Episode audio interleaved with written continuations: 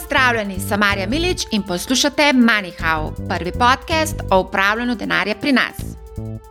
Zadnje čase se veliko govori o grožnji naraščanja inflacije, ki nam po eni strani drži življenje, po drugi pa povzroča sive lase zaradi realnega izgubljanja vrednosti naših prihrankov.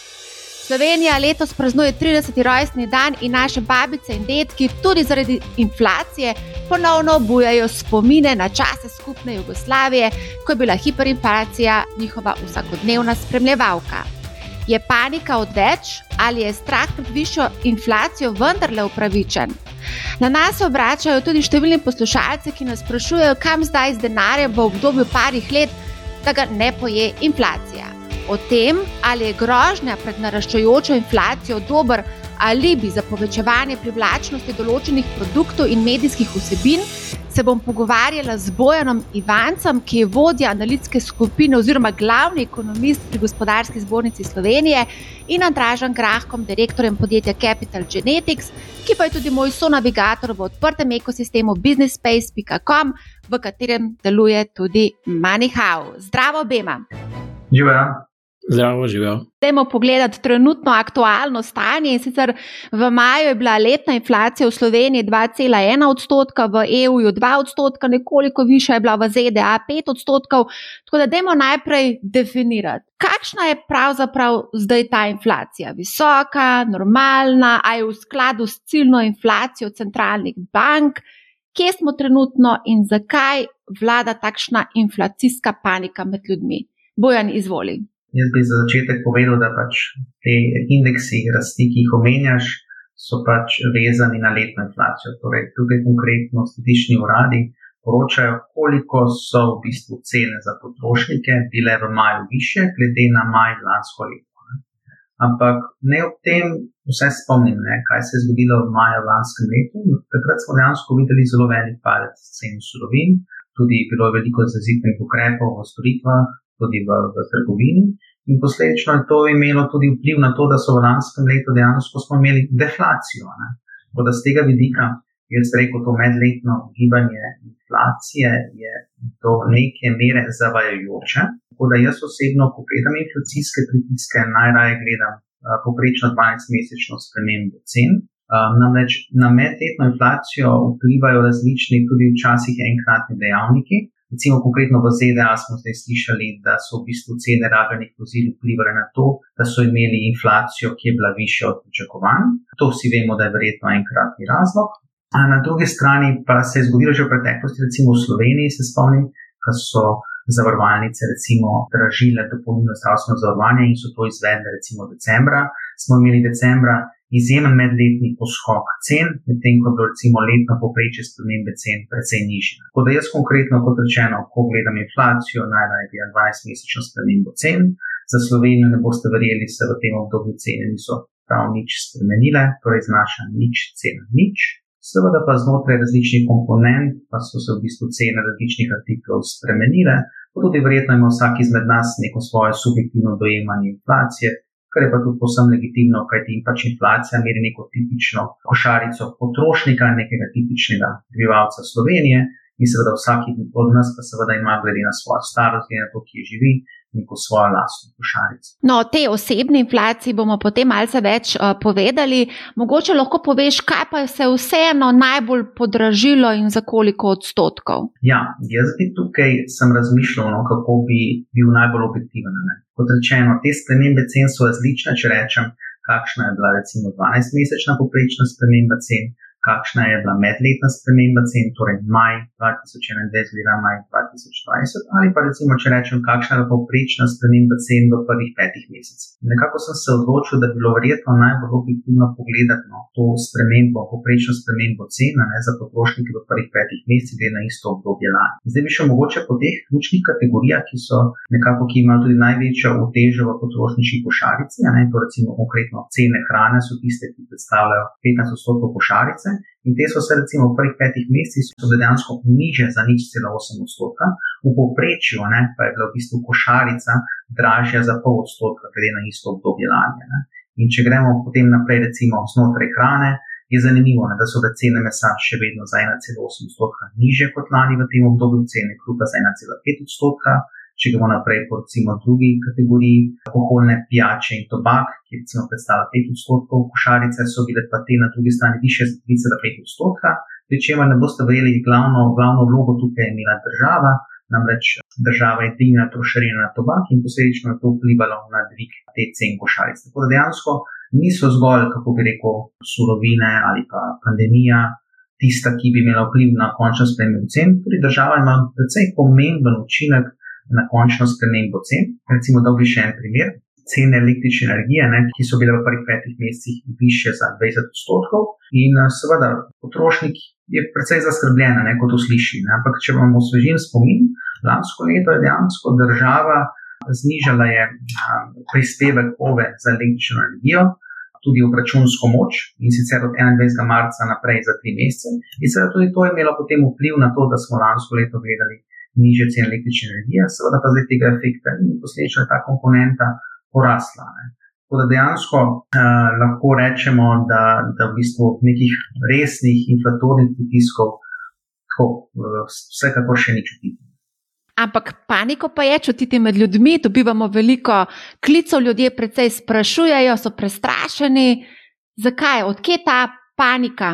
Uh, jaz bi rekel, panika predvsem izvira iz tega, da je pač to postala ena izmed pomembnih tem. Namreč v tej fazi gospodarskega okrevanja, ki je sinhrono in ki je predvsej vezano na krepitev industrije po celem svetu, se nam pač naenkrat dogaja, da so se cene prevoza prek kontejnerjev, recimo cene, cene surovin, močno podražile. In posledično imajo potrošniki percepcijo, da bo to zelo hitro v bistvu vplivalo na znižanje njihove realne blaginje. Ampak na drugi strani se moramo zavedati, tudi to, kar pač beremo v medijih. Tukaj so dejansko v zadju neki interesi oziroma neki boji za biznis to biznis kolač. Torej, mi govorimo na eni strani o tistih rudnikih, recimo konkretno, ki seveda te rude kopljajo, na drugi strani imamo v bistvu subjekte, ki uh, odkupujejo to rudo, potem imamo recimo distributerje, uh, potem imamo podjetja, ki se ukvarjajo z prodajo polproizvodov, ki jih naredijo iz te rude in potem na drugi strani imamo proizvodnjo, seveda, potem, ko je proizvodnja narejena, pravno v bistvu imamo še, še, vrsto, uh, še vrsto dodatkov, ki jih plačujemo potrošniki, kot so dodatek za marketing, dodatek seveda za to, da je proizvod uh, pripeljan do trgovine, potem še, še država za svojim DDV-jem ali pa trošarino, odvisno od proizvoda, pride zraven. Tako dejansko uh, v končni ceni no, tega izdelka oziroma storitve, kar hočem povedati, je v bistvu cena surovine, niti ni tako pomembna kot, bi, kot pa mogoče to zgleda na prvi pogled. Ne. In to dejansko bi želel nekako poudariti. Ne. Dejansko smo kot gospodarstvo, kot razvita družba, pač postali precej bolj učinkoviti. In seveda v nekem izdelku, ki je precej drag, je v bistvu končni delež surovine relativno majhen. Mogoče eden izmed večjih vplivov surovin na končno ceno izdelkov bi recimo lahko rekli, da bi imela nafta. Ne. Ampak tudi, če pogledate, pa izračunate v bistvu en baril nafte, ki mislim, da ima 159 litrov, ne, boste videli, da v bistvu tudi pri nafti, eh, pri končni ceni, ko greste na črpalko, predstavlja dejansko surova nafta, nekje tretjino tiste cene, za katero potrošnik plača. Vmes so potem še seveda eh, marže rafinerije, potem je še pač prevoz nafte, potem je marža eh, vele trgovca, malega trgovca, potem je še država s trošarino, z DDV-jem. Tako da dejansko tukaj, če pogledamo, no, so vsi ti efekti, ki se na koncu seštejejo in zaradi tega v bistvu gibanja oziroma sinhronega, sinhronega kako reko, povezave cen surovin z potrošniško inflacijo, nikakor ni taka, kot je bila mogoče še v 70. Andraž, ampak vse inflacija je nujna. Kdaj je inflacija dobra in kdaj slaba? Ja, tukaj je vedno ena in isti izraz, ki se uporablja strani centralnih bankirov in to je tako imenovana stabilnost cen. Ponavadi s to stabilnostjo cen predvidena neka relativno eh, stalna rast cen, da ne niha preveč, pač ni jim všeč volatilnost, ni v redu, da gre od nič do 4 odstotka. Tudi če je recimo dvodstotni cilj, želijo ohranjati znotraj nekega nihanja, da je to čim bolj predvidljivo za gospodarske subjekte, da prebivalstvo ni panično, da tudi podjetja v bistvu ne začnejo to vključiti preučevati svoje cene noter in da ne pridemo do nekih spiral, ne vem, da trg dela ne podivja pol čez tri leta, ker vsi želijo više plače, ker je neka dojeta inflacija bistveno večja. Tukaj sta dva izraza. Eno je neka ciljna inflacija, recimo ECB je imela ta cilj okrog dveh odstotkov in se je zelo, zelo trudila, da bi ga na nek način probala doseči v zadnjih letih, ker so bili bolj deflacijski pritiski, torej je bilo pod to ciljno. Drugo vprašanje pa, koliko niha. Ne? In zdaj, mogoče se mi zdi, da v tem trenutku je težava ta volatilnost tudi cen, ki povzroča paniko. To pomeni, da cene, ne, če je to 2 odstotka, ne, pa je prej toliko nihal, zdaj pač gre off the screen, dobesedno. To se mi zdi, da ta volatilnost zdaj nekatere skrbi, še zlasti, kot je omenil Bojan cene pri proizvajalcih so mal bolj poskočile, kot te končne cene, ne, in to ima zdaj spet vplive na različne marže, na dobičkonosnost. Ne vem, en primer lahko dam, zdaj gradbinci, ki je vprašanje gradnja, mislim, da nove infrastrukture v državi in so bili razni razpisi in so s tem potegovali in tudi zmagali z nekimi cenami, imajo zdaj domnevno težave, zato ker jim stroški inputov rastejo za dvomestno odstotno spremembo, in pač seveda to je za njih problema. Ne. Torej, imamo tudi ta inflacija, ima tudi neko svojo verigo, preden pristane pri končnemu porabniku. Dobro, tukaj je država, ampak na koncu vse prek davkov tudi mi plačamo, ne. torej se nam proračun v bistvu poslabšuje. Lahko. Tako da jaz mislim, da težava je ta volatilnost. Uh, nastala je delno zaradi tega, ker uh, enostavno znotraj korone je kar velik te kapacitete, ki je bila v stalni, kot ti mu rekel, uh, uporabi ali pa stalno je tekla proizvodnja, se je del pač ustavil, in seveda povpraševanje lahko pride hitreje nazaj, naročilo gre z klikom enega maila, medtem ko je pač zagnati vse kapacitete, pa lahko traja nekoliko dlje časa. Tako da nekaj tukaj je bilo tega šoka na ponudbeni strani, ne, in to se pri nekaterih segmentih trga zelo močno poznano. In predvsem tisti, ki imajo fokus na te segmente trga, mislim, da, da, da so izjemno prestrašeni, kaj bo zdaj se tukaj naprej dogajalo. Lahko gremo pa zdaj po segmentih, ki, kjer je bilo to najbolj vidno. Um, Bojen je omenil surovinske trge, um, energetske, ne, mogoče bo še kaj dodal. um, ja, jaz bi samo to dodal, no, dejansko ta inflacija, ki jo vidimo, ni slaba. Ta inflacija, ki je pač pokazatelj tudi visoke rasti povpraševanja. Tako da dejansko je ta inflacija no, surovinah, ki jo vidimo, no, predvsem povezana s tem, da dejansko se industrija v celem svetu zelo krepi dejansko to kažejo indeksi nabavnih menedžerjev. Na drugi strani pa ja, na ponudbeni strani se je pa tudi zgodilo, da so bili določeni zamaški. Um, ampak jaz mislim, da ko bi rekel en velik, če pa mi uporabljate tako izraz game changer, no, pri, pri sami inflaciji je bilo dejansko ta napoved ameriškega infrastrukturnega načrta, ki predvideva zelo velika vlaganja v nekako usmerjenost v zeleno gospodarstvo, v večji infrastrukturni paket na tem področju v ZDA. In a, posledično so ta pričakovanja generirala tudi vpliv, no, da so se cene slovenično podražile, a, pa tudi ameriško gospodarstvo. Dejansko so ameriški potrošniki, kako rekel, bolj dinamično, bolj veselo reagirali a, na to, da so bile ZDA zelo uspešne pri premaganju epidemije a, in posledično so reagirali z večjimi nakupi. In to dejansko je generiralo to, da se je svetovni trg nekako bolj obrnil proti potrošniku številka ena, američanom. Zaradi tega, recimo, so tudi dosegljivost transportnih poti iz Azije se je za Evropo poslabšala, kajti dejansko velike ladjarji dobijo boljše marže, če seveda prevažajo blago iz Azije v ZDA. In seveda to povzroča potem tudi malo težave znotraj tega supply chaina, torej nekatera podjetja imajo težave pri dobavljivosti določenih polproizvodov, surovin.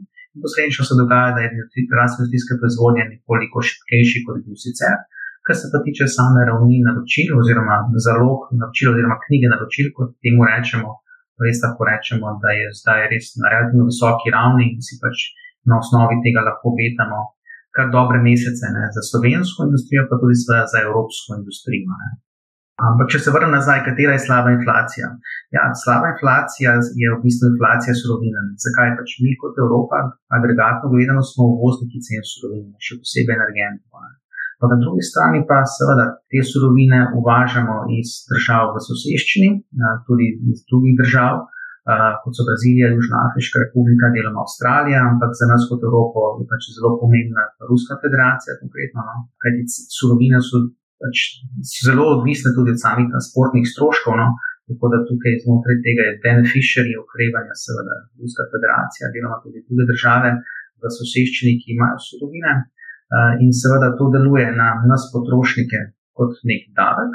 Na drugi strani pa to zopet generira nek, oziroma ustvarja neko popraševanje v teh državah, kajti te države potem izboljšujejo, kako bi rekel, svoje javne finance, imajo na voljo torej tudi več uh, možnosti, kako dvigniti kupno moč, mogoče se odločajo za kakšno ugodno davčno reformo in seveda se na drugi strani pojavljajo kot kupci naših proizvodov. Ne?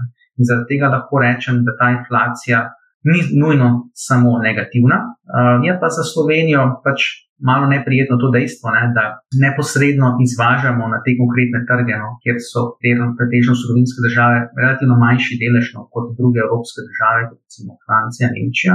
In posledično vidimo nekoliko manj neposredne koristi, kot pa seveda tudi naši ključni kupci naših proizvodov, ki so pa še vedno torej pretežno evropske države, ki potem seveda te naše polproizvode, ki pretežno podamo na evropskih trgov, deloma porabijo sami, deloma pa jih nadgradijo in potem pač izvozijo v druge države. Te gremo še mečkam začin s to debato. Uh, s Tem, da je v bistvu lahko inflacija tudi manipulativno orodje, kar lahko v bistvu zdaj vidimo vse povsod, da se operira z inflacijo uh, in straši na nek način ljudi, in nekako se jih sili v določene naložbe, v katere sicer ne bi šli, če ne bi obstajal ta strah. Andraž, boš ti mogoče povedal kaj o manipuliranju? Ja, seveda, lahko tudi naštejem par primerov, zato da bomo bolj zabavni, če je to potrebno. Okay, bom najprej naštel en primer iz žive prakse. Trenutno pač, bom tako rekel, smo v komunikaciji z enim podjetjem, ki je v kovinsko-predelovalni industriji. Naročilo so se jim seveda popravila in lastnik je naredil zalogo za dve leti v bistvu proizvodne. Ne? Na drugi strani pa seveda komunicira kupcem, da se dražijo cene surovin. Kaj to pomeni? Zato in v tem trenutku ima rekordno maržo, ki je dvakrat večja kot v resnici, jo je kadarkoli v življenju delal. Ne, zdaj, jaz ne vem, kaj bo ta lastnik rekel, ko bo šel ne vem, na neko zasedanje, ne vem, mogoče na GZS, kjer bojo vsi govorili, kako grozno jih stiska. Ampak to hočem reči, vsak je tukaj lahko v nekem svojem čovnu in ni nujno, da so vsi v enakem položaju. Ne pravim, da niso podjetja, ki imajo resne težave, da ne bo pomota, tem se pač že vnaprej upravičujem. Ampak pač so tudi taki primeri, kako se to lahko mal izrablja če, če hočemo, je pa res, da je bilo to taktično z njegove strani. Tako da, tako da ne vem, mogoče bo bojan še kle, kaj dodal, imam pa pol še en primer v bistvu te inflacije, ki je malo bolj pa na mikročloveški ravni. Ja, Andraš, jaz bi samo nadgradil to tvojo hipotezo, strinjam se tudi s tem takšne situacije.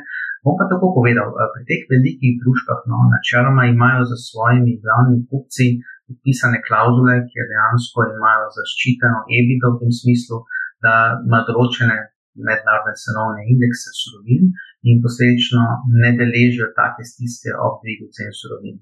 Težavo pa vidim, recimo, vsaj v Sloveniji, no, znotraj gospodarstva, pri teh manjših družbah, recimo neka letna podaja, recimo, recimo 10 do 20 milijonov evrov, kjer v bistvu recimo, izdelujejo ne vem, nek specifične stroje v neki določeni tržni niši, tam pa do sedaj nekako so ugotovili, no, da, bila, da so bile cene surovin težava, verjetno enkrat na desetletje. Ne. In tukaj morda vedeti, da v teh manjših družbah te mehanizmi, pa dojemanje teh cenovnih šokov ni razvito na isti ravni, ne, kot je to pri velikih družbah. Ne. Tako da jaz bi rekel, pri teh manjših družbah no, je verjetnost stiske večja, pa tudi včasih res iskrena. Pri teh večjih družbah pa, pa je v bistvu to del nekega o, politike tveganja ne, in posledično menim, da bodo ta podjetja lažje seveda prestala to stisko, sploh glede na to, da v bistvu imajo zelo visoko rast agregatnega popraševanja. Pa mogoče bi samo uh, še zaključil, klienti, da besedo Andraš. Um, podjetja na eni strani imajo več naročil, torej količinsko rastejo. Ne? Uh, in tudi, recimo, če na ceni morajo pristati na nekoliko nižjo maržo, bom še vedno rekel, da v letošnjem letu pričakuje relativno dober nominalni skupaj ker dejansko rast na količini tako visoka, da bodo prenesli verjetno tudi nekoliko izgube na, na bruto marš. Ja, vse, kar sem hotel dodati, je, da to, kar si pač rekel, je odlično izhodišče, ko potem gledamo posamične delnice, ki na tej verigi so inflacijski in seveda določene panoge uh, imajo škarje, torej surovine jim naraščajo, ne morejo prevaliti vsega naprej. Recimo, lahko imamo še težave na, na pr, pr ljudeh ne? in se še te stroške dela povečujejo, določene druge pa pač enostavno so blazno profitirale v tem tako imenovanem reflacijskem uh, poslu, tradu, reflation tradu. Uh, to so bili recimo vem, rudniki bakra, recimo energetske družbe, druge v bistvu um, nekakšne družbe, ki se ukvarjajo s pridobivanjem teh primarnih surovin, ne določenih kovin, ki se v IT panogi, v reku, celi verigi uporabljajo pri izdelavanju električnih naprav. Ne. To je šlo pač res konkretno na vzgor, tako da malo boste tukaj previdni, ko lovite v bistvu take zgodbe in se recimo ščitite pred inflacijo na način, kjer berete veliko člankov, da pa je potrebno razpršiti na nek portfelj, ki vključuje to vrstne družbe. Morate vedeti, da je tako pameten, da vračuna vsako stvar vsak dan in lahko se zgodi, da nekaj, kar ste vi brali, vem, danes je bilo napisano en teden nazaj in je trg že petkrat vračunal noter. Uh, tako da trpele so pa pač določene druge, mogoče industrijske družbe, ki so pač padle noter v, ta, v, ta, v te škarje. Mogoče bi klej nadaljeval bolj tudi z drugim primerom. Zdaj, veliko se potem pač piše zelo tako paušalno o inflaciji in se ogleda predvsem nazaj niti se ne gleda tako, kot recimo Bojan rekel, ki vzame vem, 12-mesečno drseče povprečje, pa na nek način gleda, kaj je osnova na osnovo, torej neko daljše obdobje, koliko je bilo, ali je bil to res tektonski premik ali je to zdaj neka točka na točko. In seveda nek članek, ki je napisan, bo seveda lahko a, rekel, da v, v zadnjih 12 mesecih je pa ne vem, cene ne vem, stavbnega lesa so šle gor kot raketa, dobesedno in to je bilo zelo popularno, in teh člankov je bilo toliko, kot hočete, ste jih najdli. Ne. Seveda je prišlo tudi zdaj že do manjšega popravka, ampak to samo pomeni, da je volatilnost teh cen toliko velika in to pomeni, da tudi vi tveganje prevzemate, če zdaj mislite, da se boste na pet let zaščitili pred inflacijo z nakupom recimo tovrstnih delnic. Ne. Andraž, to se da odlično izhodišče. Um, cene lesa, to je bilo meni prav zanimivo, no, ker sem dejansko dobil to vprašanje kot glavni ekonomist. Ne? In eh, to dejansko vprašanje novinarja, kje vidite vi cene lesa. To sem prvo, kar jaz nekako vprašal, ne tisti, ki me to sprašuje, je ga vprašal, katere cene pa. Ne? Ker morate vedeti, da cene lesa niso globalne. Ne? Pri lesu je v bistvu faktor transportnih stroškov kar visok. In dejansko, ko smo se pogovarjali o višjih cenah eh, lesa, so dejansko imeli svetovni mediji, pa tudi naši, v mislih cene lesa v ZDA. Ne? In dejansko veste tam, da je stanovanska gradnja v bistvu se precej povečala, torej predvsem hišnice, gradnja hiš, in posledično so cene lesa pač poskočile. Um, zdaj, kot rečeno, plačuje te više cene, verjetno samo tisti, ki zdaj gradijo nove hiše, ne, ne vsi tisti, ki so jih že, recimo, ali pa ki jih bodo. Ne. Tako da tukaj, eh, tukaj je recimo en tak tipičen primer neke manipulacije, ne, ki mislim, da ni, ni neka morda, ni, morda ni namirna manipulacija, ampak bolj izvira iz tega iz nerazumevanja konkretnih piscev, člankov na tem področju, ker ti niso naredili dovolj domače naloge, da bi preverili tudi, kako je recimo s cenami lesa v Evropi. Ampak ne vam zaupam, ko sem se sam nekako lotil tega raziskovanja, nekih najboljših indeksov uh, za to surovino, niti niso javno dostopni, pač pa je potrebno te podatke plačati. In zgolj to bi nam razkrilo objektivne informacije o tem, ali so se cene lesa tudi v Evropi povečale ali ne. Tako da tukaj je res potrebno ohraniti eno dozo previdnosti, ko beremo te različne članke o različnih spremembah cen blaga. O tem sem se pred nekaj meseci pogovarjala tudi z Egonom Zakrajškom, ki je bil 25 let zaposlen na ameriški centralni banki in je ravno izpostavil noro rast cen v bistvu vseh teh gradbenih surovin in materijalov, ne. po drugi strani pa tudi izpostavil in večkrat povdaril, da bo šlo samo za kratkoročni dvig inflacije in da se bomo potem vrnili nazaj v recimo temu normalno stanje.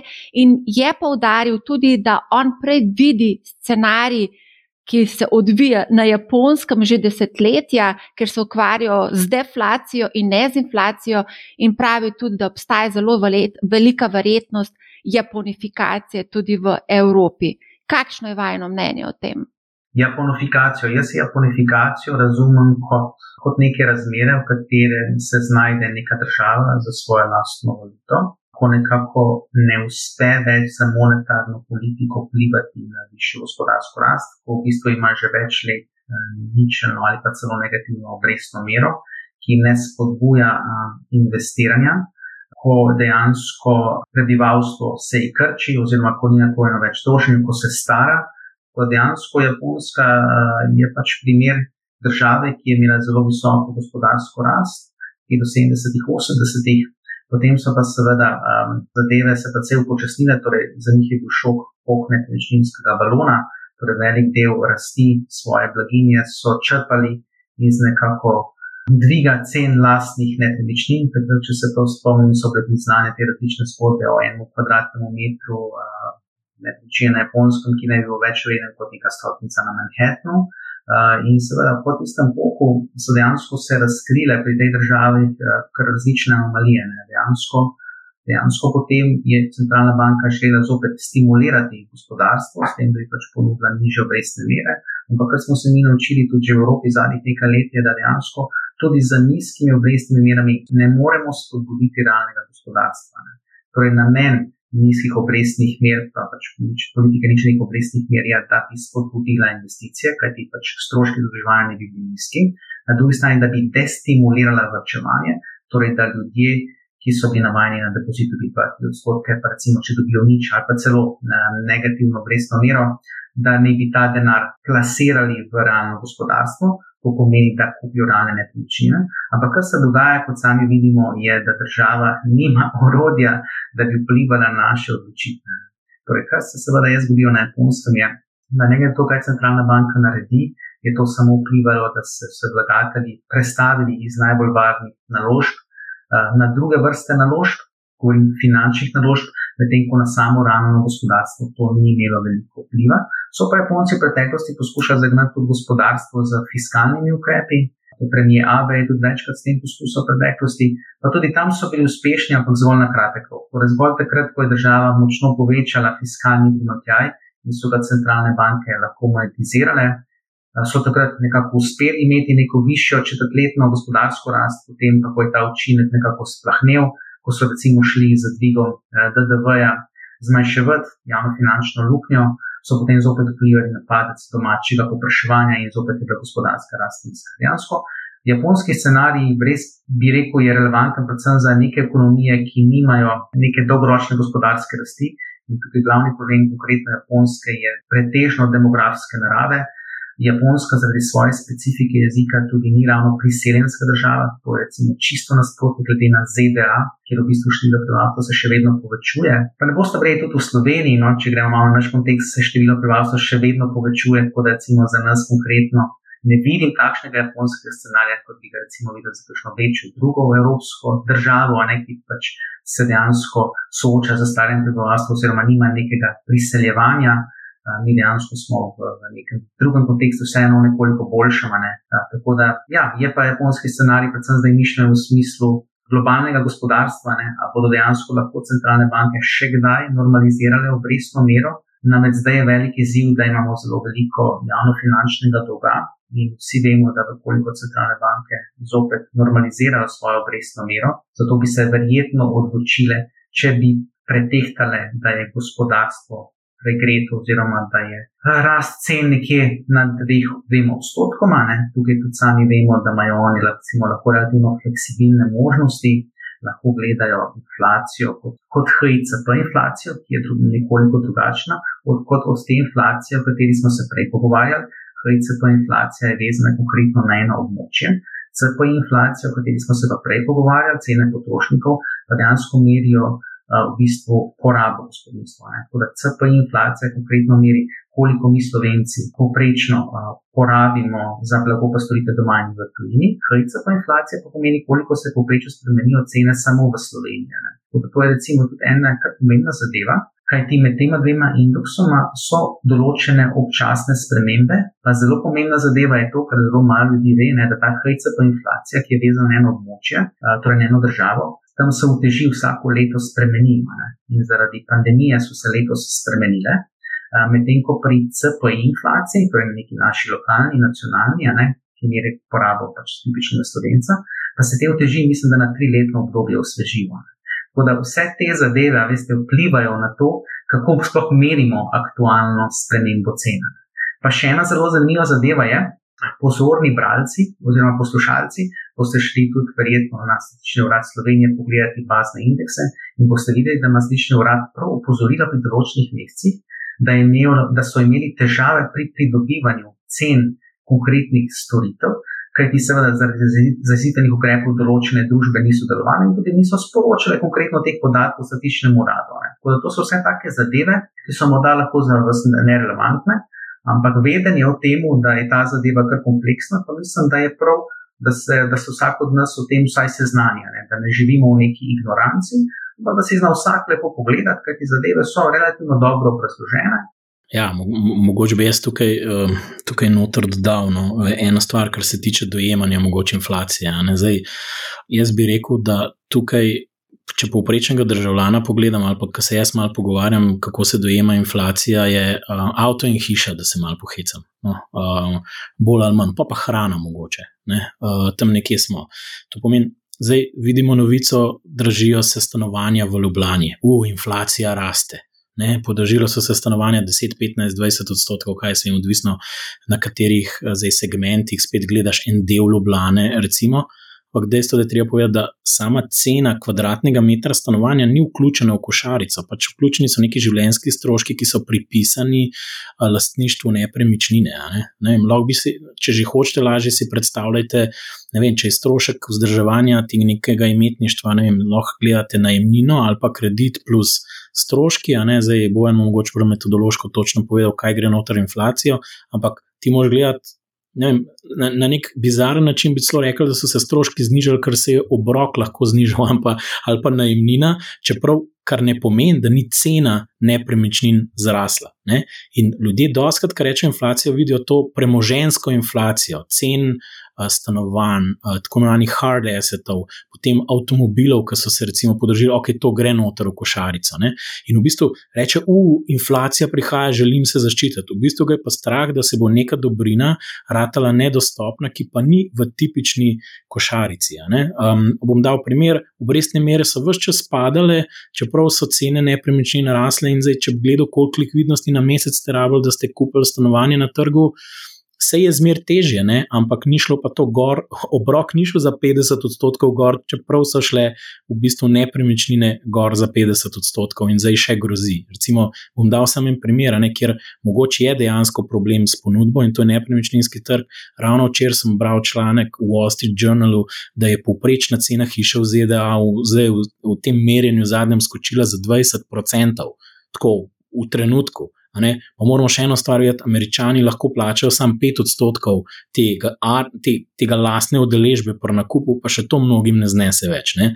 Tako da, ali je to začasno, ali bo to trajalo x časa, kakšni so primankljaji, to je pa nek kritičen ta hotspot.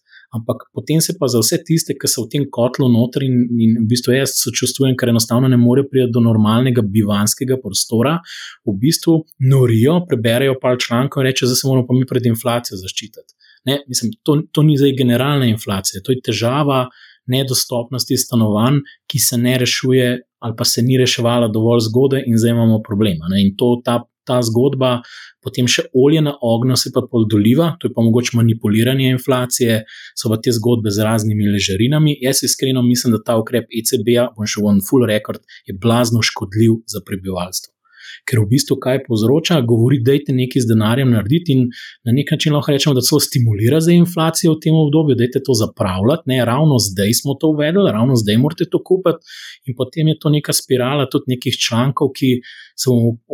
Se upravičujem, pointeligentno analizirajo, kaj se danes dogaja na trgu, ne ločijo novograden, starograden in res to je, to je taka čista, čista norišnica, rata iz tega ven. Ne?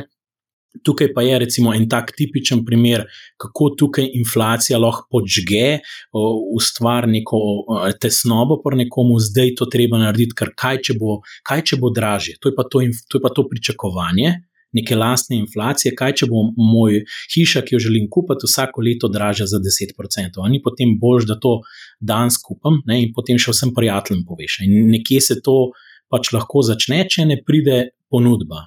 In potem še X strokovnjak reče, ponudbe ne bo deset let ali pa kaj, svem kaj, uh, zakaj bomo zdaj čakali. Uh, vzamemo vse in kuhinjsko korito, rečejo američani, in vržemo vse noter v nakup stanovanja, da se malo pohecamo. Tako da to recimo ta dojemanje in večina te panike, iskreno povedano, jaz vidim iz tega konca. Kjer ljudje dejansko, rekel bi, mali s korone so tudi ugotovili, da nimajo optimalne bivanske površine in zdaj bi kupili, in zdaj vsi naenkrat v vrsti stojijo ravno zdaj, ne vem, teh 6 do 12 mesecev bi vsi kupali. In seveda, vi z veseljem dvignete cene in se smejite vse do banke, bi rekel. Ne. Jaz bi tukaj še dodal, Andraš. Uh, ja, mislim, da smo v obdobju, ko bi rekel, uh, mislim, da ima angliži zelo dober izraz, keeping up with the Joneses. Ne.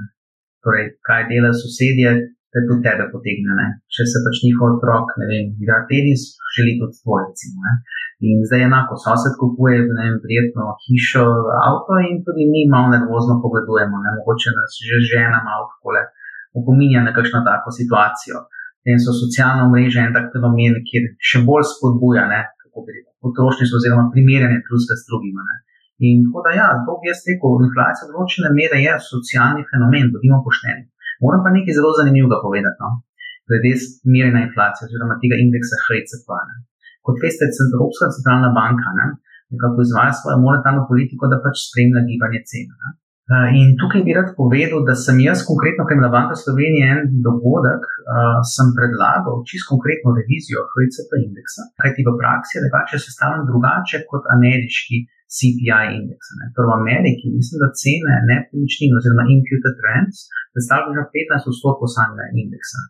V Evropi mislim, da zgolj 2 do 3 odstotke. In posledično, točno to, kot je Andraš povedal, ljudje ne čutijo dviga cen nepremičnin v inflaciji, v praksi pa se s tem soočajo. Ne? In tukaj sem jaz dejansko dal predlog, da se tudi HCP indeks upošteva konkretno tudi spremembo cen nepremičnin v primernejšem deležu, ki konkretno odraža, koliko potrošnik seveda da za neko posojilo, oziroma uh, koliko plačuje več za najemnino. Tako da tukaj konkretno sem dal poziv, ampak kot rečeno, statistično gledano je to nekoliko kompleksna operacija, ni tako enostavno slišati, kot sem povedal.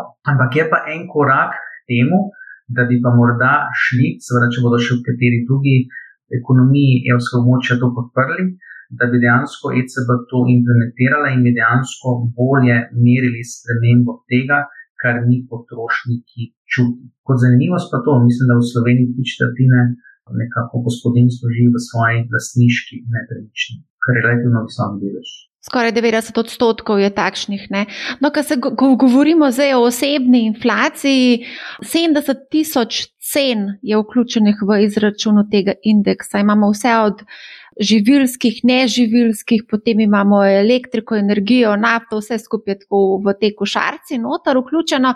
In vse to nas v bistvu kot posameznike se ne dotika, ne, ker pač ne konzumiramo vseh teh storitev oziroma dobrin. Ne. In to osebno inflacijo mi lahko tudi izračunamo ob pomoči kalkulatorja. Povezavo do tega kalkulatorja, ki ga je naredila ECB, bom objavila tudi v opisu podcasta. In večkrat smo danes že omenjali to osebno inflacijo. Kakšen je vaš pogled na to osebno inflacijo, oziroma ste videli že kdaj zračunala svojo osebno inflacijo? Ne, nisem šel računati, definitivno pa ta koncept je, kar se tiče posameznika, pa mikrocelice v gospodarstvu, pomemben. Pa bom razložil. Ne. Če ste vi podedovali ali pa ste že odplačali kredit za nepremičnino, v kateri živite, potem od vašega razpoložljivega dohodka bo šel zelo, zelo, zelo majhen delež za vzdrževanje, recimo neke stroške, neko porabo, ki bo vezana na to nepremičnino. Če boste pa zelo želeli kupiti novo gradno, vam pa lahko to požre tudi do polovice vašega razpoložljivega razpoložljivega dohodka. Torej, vaša poraba, skozi porabo, v bistvu na nek način, ne, ste boste izjemno občutljivi na neke spremembe, ki bojo vodile v to, da bo še več. Tega razpoložljivega dohodka šlo uh, za to. Tako da zato jaz, jaz to razumem. Zdaj, um, neko tehtanje v agregatu ne, ne odraža pozicije posameznika. To, to je dejstvo. To je kot ne vem, banalno. Če boste naprej probali predvideti nek paket počitnic, bo to všeč samo določenemu odstotku populacije, drugi bi pa čist nekaj popolnoma drugačnega. Predstavljajte si, da zmešate en paket za vse skupaj. Ne? Zdaj, koliko ljudi bo zadovoljnih na koncu, ne vem, pač nek procent bo, a bo v resnici večina. Ja, težko da bo. Zdaj, včasih, mogoče v stari Jugoslaviji, ko smo imeli malo večje probleme z inflacijo, se malo pohecam, je bilo malo manj opcij, smo malo ven, mal ven, manj ven hodili tudi. tudi celino čez mejo, razen po banane, se malo pohecam. Um, in v bistvu je bilo manj opcij, pa še zmeraj je bilo nekaj izbire. Ne. Danes je to cel svet. Tako da zelo veliko teh mikrocelic, zelo različno ali, ali želite postati lastnik, ali ste že, to so izjemno različne stvari. Tako da brez težav se na eni vrtni zabavi hitro skregamo, zakaj en misli, da je inflacija, drug pa misli, da je ni dovolj ali kaj takega, uh, da se malo pohecamo. Ne. Tako da je, je to, to je pomembna stvar. Mislim, da bi vsak moral neko, neko prihodno porabo pogledati in se vprašati, kakšna tveganja obstajajo in kako jih lahko na nek način vključimo v prihodne planiranje svojih denarnih tokov. Tukaj so tudi vprašanja dohodkov. Ali lahko rastejo ali ne rastejo, koliko razpoložljivega dohodka imam na voljo, koliko lahko vrčujem, kako to počnem. In pač ljudje, polk sem pridejo, ki pogledajo tisti indeks na, na Sursu, ne, statističnemu uradu Republike Slovenije, rečejo, kaj je to za ena številka, jaz imam čez nekaj drugega pred sabo. Ne smemo povedati eno zanimivost. Ne? Zakaj je moje mišljenje, da takrat, ko imamo nekoliko više uradno inflacijo, da je ta mogoče celo malo precenjena?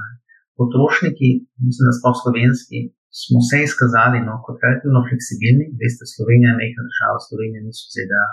Zelo enostavno je iti na mesto Ljubljana, kupiti v nek sosednji kraj druge sosednje države niso daleč. In posledično, kar se je zgodilo v preteklosti, takšnih epizodah, recimo, ko so bile cene določenih storitev više, so potrošniki zelo hitro našli substitut. Recimo v preteklosti smo imeli ta trend, eh, ko so številni novi trgovci odpirali trgovine in je zelo veliko ljudi, so trgovci dejansko. Nam sporočili, da, je, da so v bistvu potrošniki razpršili svoje nakupe med več, med več trgovin, in dejansko, uh, kako bi rekel, v sami plačilski košarici ni bilo odražen tudi ta trend, da so pač tekom leta ljudje, določena kategorija, seveda prebivalstva, se odločila, da bo pač kupovala, ne bom rekel, izdelke z nižjo kvaliteto, ampak private label izdelke, generične izdelke, tiste, ki pač niso, nimajo blagovnih znamk in so posledično na ta način si znižali osebno inflacijo. Tako da jaz, ko sem nekako to tudi v praksi videl, ne, da se s tem kar nekako strinjam. Ne. Tako da tukaj trgovina no, je recimo en tak lep primer, ne, kjer bi jaz rekel, da bo narejeno vse, da te inflacije ne bo, tudi internetna trgovina omogoča boljši pregled nad cenami, večjo konkurenco. Pa kot rečeno, Slovenija je majhna, tako da jaz z tega vidika res ne vidim neke verjetnosti, recimo, da bi ne, trgovci vem, imeli slučajno nek dogovor, s katerimi bi posod dvignili ceno moke. Mislim, da je za kaj takega zelo majhna verjetnost. Ne. Bom pa rekel, se pravi, v preteklosti, govorim še o času Jugoslavije, pa predtem je bila tudi trgovina drugačna in tudi potrošniki so pač hodili pretežno v isto lokalno trgovino. Ne. In seveda takrat je bila izkušnja drugačna. Ne. Zdaj pa dejansko imamo te trende, smo tudi, tudi, tudi mi, potrošniki, smo predvsem bolj mobilni, ne, tudi včasih lahko naročimo prek interneta trgovine kaj iz tujine, ne, da se v bistvu potem te zadeve na končnih cenah tok ne pozna. Tako da to so res te strukturni premiki, zaradi katerih sem jaz kar nekako prepričan, da nekih visokih epizod inflacije ne bomo videli.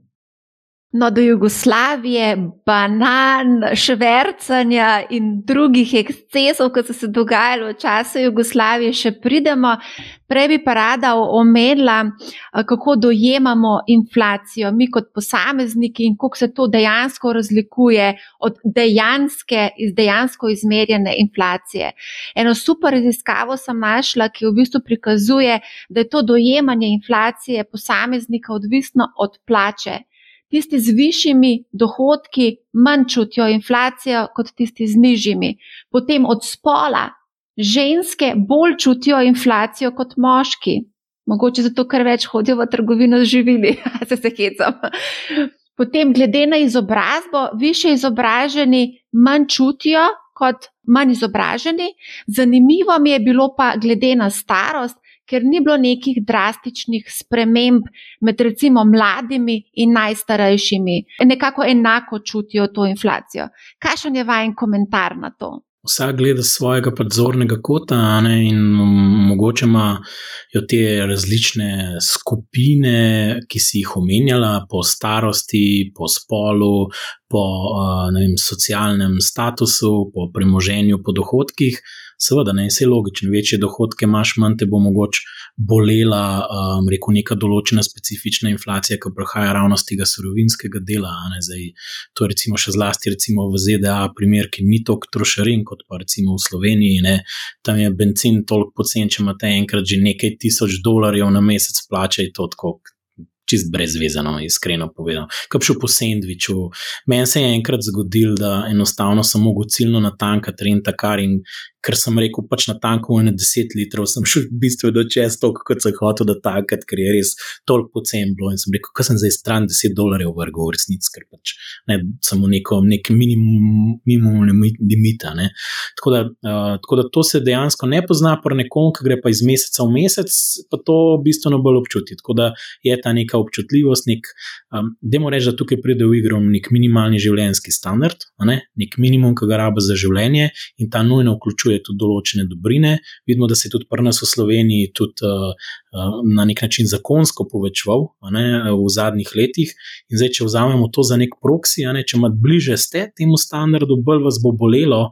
Če bo dejansko prišlo tudi do podražitve tega, rekel, tako imenovanega definiranega minimalnega življenjskega stanja ali pa minimalne plače, če želite, ne vem, nekako tako zelo blistati dva koncepta. Če imate manj lufta, več, več vas bo bolelo. Tako da to razumem ok, zdaj ženske, moški, se vemo, da smo zdaj v emancipaciji, pa da vsi na nek način imamo enake pravice, ampak očitno, vem, še zmeraj drugače malo gledamo na svet. Zdaj, zakaj? Ne vem, ali to kulturološko ali pač enostavno pač tako je. Um, um, ali pa zato, ker so ženske mogoče vsem bolj uh, čustveno inteligentne, pa bolj občutljive, gledajo vsak evro, zdaj ne brati stereotipov gojiv, ampak ta, ta raziskava tako nekako na ta stereotip zdaj namiguje. Ne? Ne, ženske so vem, bolj preudarne, gledajo vsak cent, mi pa malo zaokrožimo, da se pohecam. Ne? Zdaj ne vem, ali, ali to drži ali ne. Lej, lej pač tako malo mi deluje. Ta, Ena stvar, ki me malo presenetila, je to, da se po starostnih skupinah gledajo stvari podobne, ker to bi bil pa skoraj mal fenomen za me, da tako rekel, da različne generacije isto gledajo inflacijo, še zlasti v, zdaj ne vem, za, za katero regijo ali pa državo je bila ta raziskava narejena, ampak.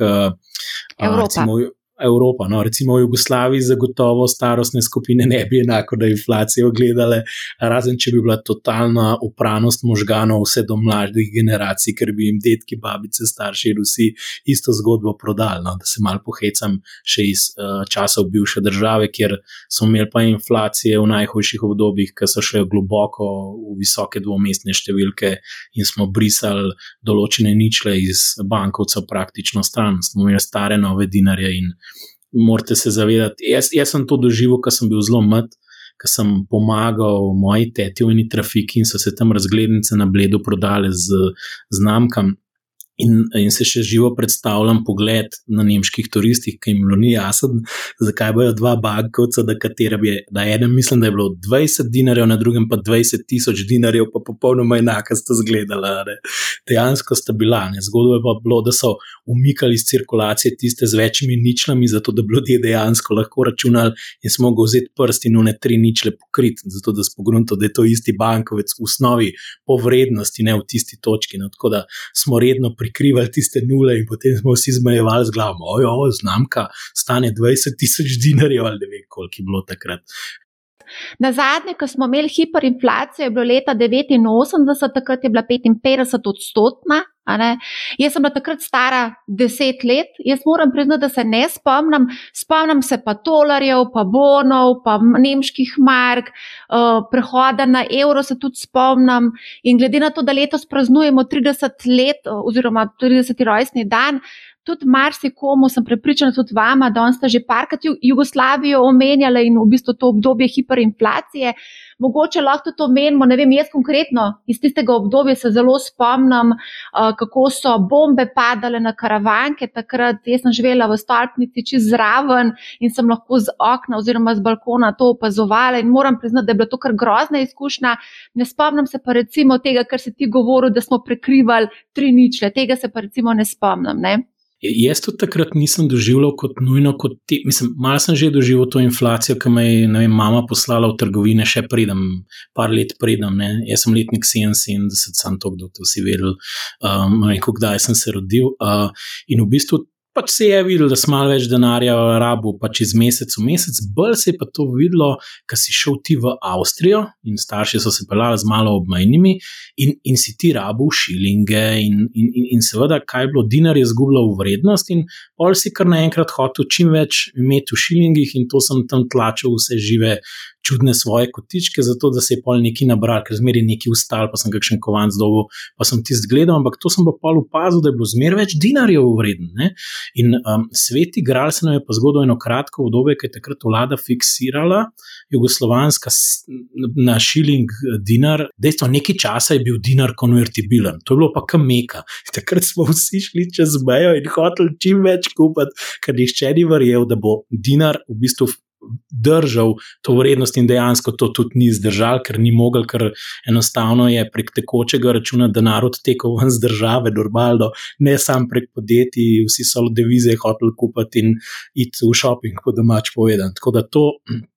To ni zdržalo, in od tam naprej šlo gospodarstvo zelo, zelo, zelo strmo, vzdolj, serijo težav v bankah. Spomnimo se, uh, vemo, zakaj imamo novo Ljubljansko banko, pa novo KBM, in vse te stvari so bile zelo problematične. Tako da ni bilo pa dnevno, mislim, sej, mi dnevno kot otroci nismo čutili, ne vem, cene življenjskih potrebščin so se pa maja povečale za toliko, pa to, to nas ni zanimalo. Ampak tam, ki je bilo pomembno na škupu Lego kocke, ne, pa koliko. Da už toliko mu dovolj šilingov, pa koliko časa si rabu, tam si čutil na nek način, ker je udaral skozi tečaja. Ne?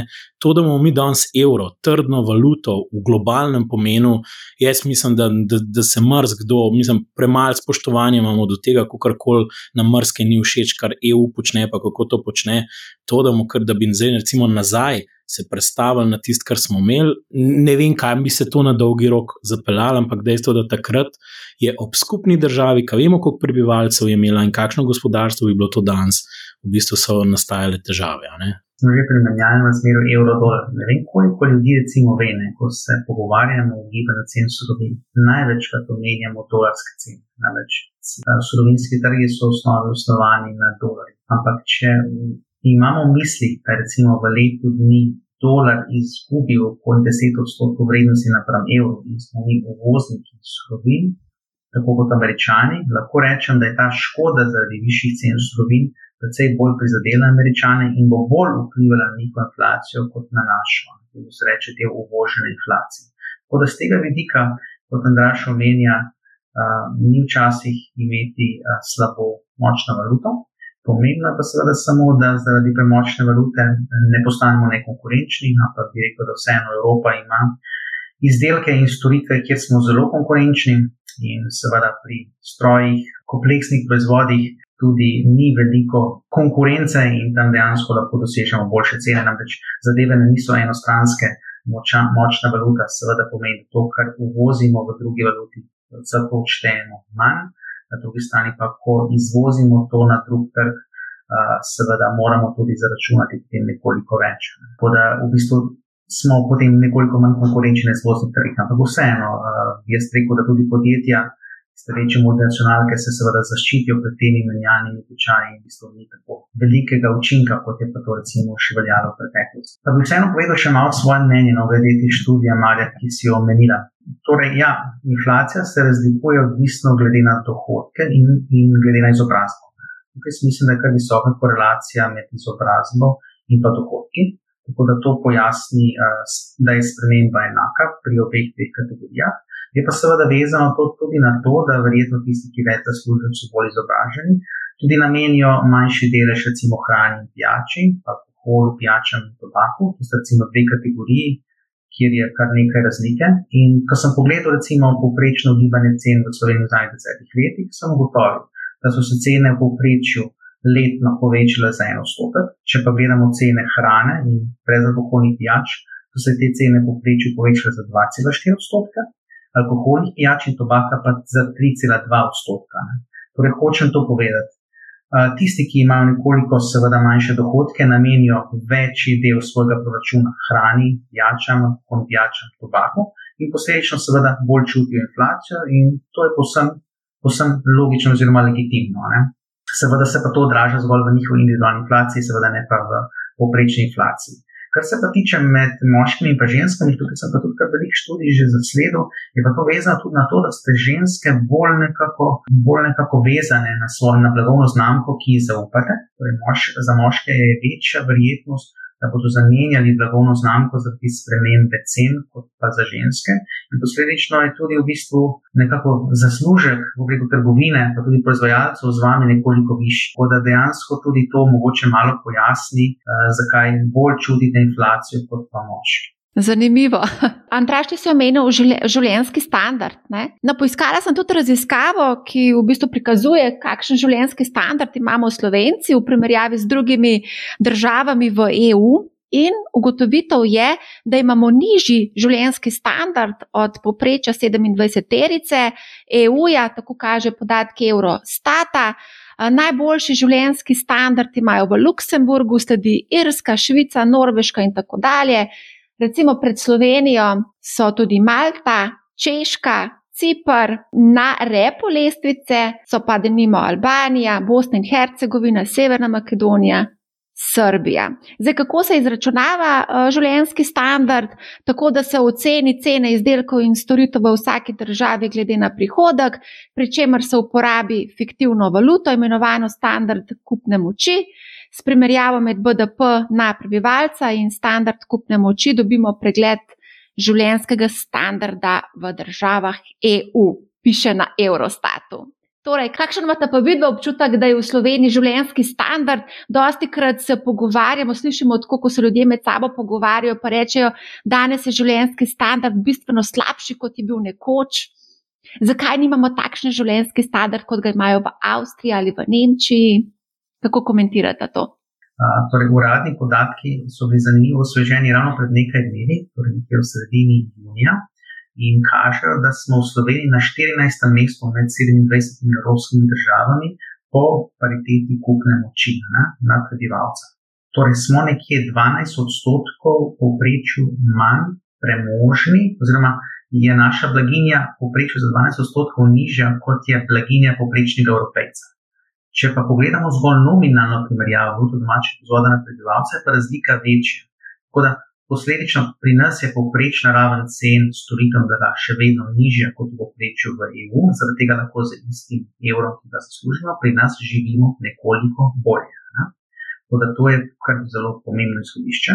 Seveda je pa to, tako bi rekel, zelo odvisno, seveda od tega, ali seveda posameznik, ko eh, bi rekel, eh, ima službo v srednji slovenski regiji ali mogoče v kakšni drugi, torej v bistvu tudi v Sloveniji, ki je mehka država, v bistvu, kje človek živi oziroma kje dela, pojasni kar velik del razlike o tem, kako dobro živi. Eh, velik del razlike pojasni tudi dejstvo, ali seveda posameznik nepremičnino dobi neodplačno od svojih staršev, bodi si od starih staršev, ali pa v bistvu si jo ustvari sam. Ne?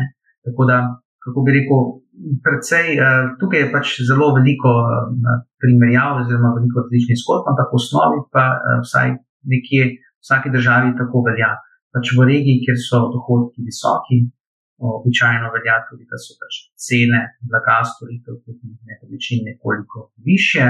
Ključen del razlike pa ravno predstavljajo cene nepremičnin. Ne. Mogoče cene blaga so še nekako podobne, če gremo recimo v trgovino v Mursko soboto ali pa v Ljubljano.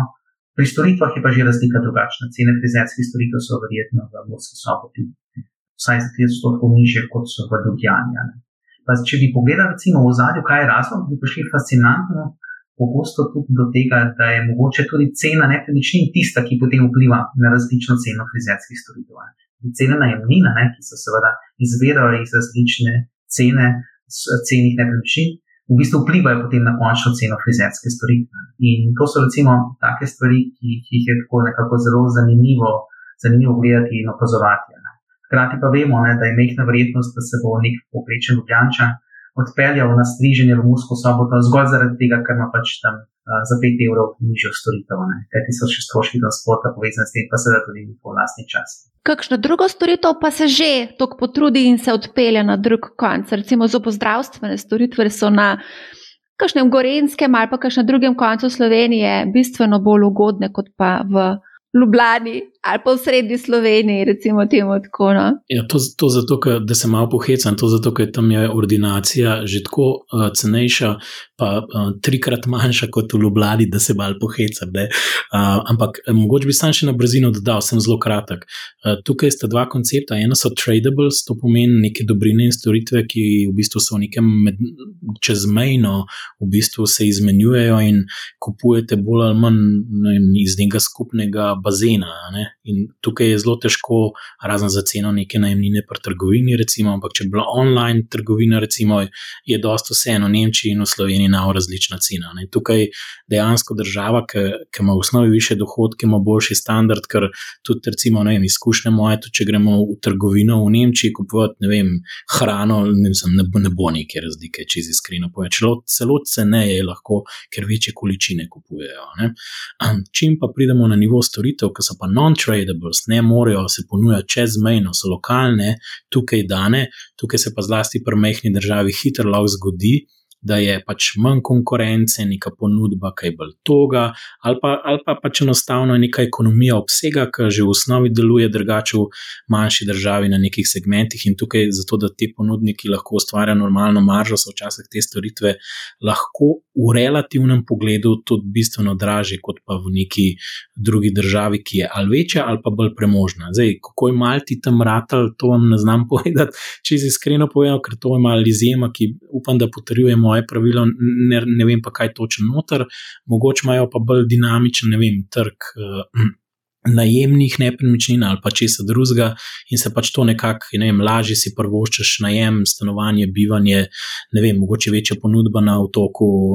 Težko bi rekel, pač enostavno je neka pretočnost, po moje, neka fleksibilnost v nekih silosih, ki jih imamo mi tukaj, oni jih pa nimajo. Po moje bi tako razlagal to. Aha, ok, a gremo kar naprej.